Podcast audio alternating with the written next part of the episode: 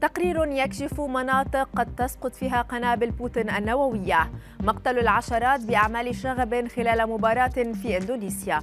بل حديد تثير ضجة بفستان رش على جسدها أمام الحاضرين. أبرز أخبار الساعة الأربع والعشرين الماضية في دقيقتين على العربية بودكاست. بعد خطاب بوتين الأخير والذي أثار فيه الاحتمالات مجددا باستخدام السلاح النووي كشفت صحيفة نيويورك تايمز الأماكن التي قد تسقط فيها الأسلحة النووية التكتيكية والتي تعد رؤوسا حربية منخفضة القوة. الصحيفة نقلت عن محللين عسكريين روس قولهم إن هناك إمكانية لتفجير سلاح تكتيكي فوق مكان بعيد مثل البحر الأسود أو ربما في الواقع ضد قاعدة عسكرية أوكرانية. مشيرين إلى أن استخدام هذه الأسلحة يأتي كوسيلة للحصول على تنازلات يريدها بوتين. فيما حذرت واشنطن من أن أي استخدام لهذه الأسلحة سيؤدي لعواقب وخيمة على روسيا.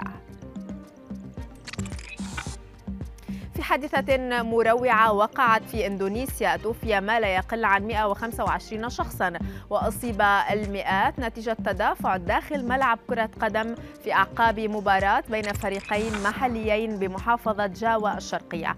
الشرطة أوضحت للصحفيين أن مشجعي الفريق الخاسر اقتحموا أرض الملعب وأن السلطات أطلقت قنابل غاز ما تسبب في التدافع وحالة اختناق. فيما أظهرت مقاطع فيديو انتشرت في ال social media مشجعين وهم يركضون إلى أرض الملعب بعد صافرة النهاية. وقال شاهد عيان لموقع محلي إنه رأى العديد من الناس يتعرضون للدهس أثناء مسارعة الجميع للفرار.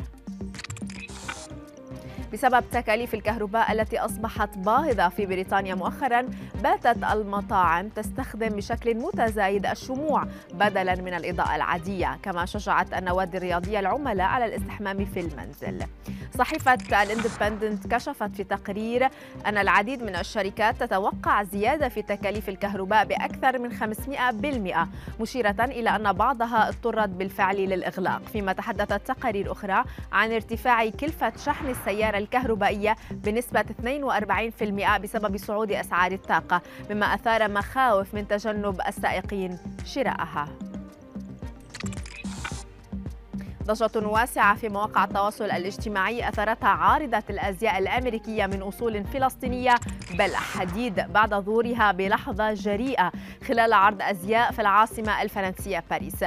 حديد ظهرت في مدرج الأزياء شبه عارية إلى أن شكلت أداة رش فستانا أبيض اللون مصنوعا من الرذاذ على جسدها ثم تدخلت فنانة لإكمال الفستان مستخدمة يديها ومقاس لنحت فستان لبل حديد. وسط ترحيب الجمهور وتصفيقهم الحاد فيما أبدى الكثيرون من متابعي العارضة على إنستغرام إعجابهم بالعرض قائلين إنه أيقوني ولحظة تاريخية لا تنسى.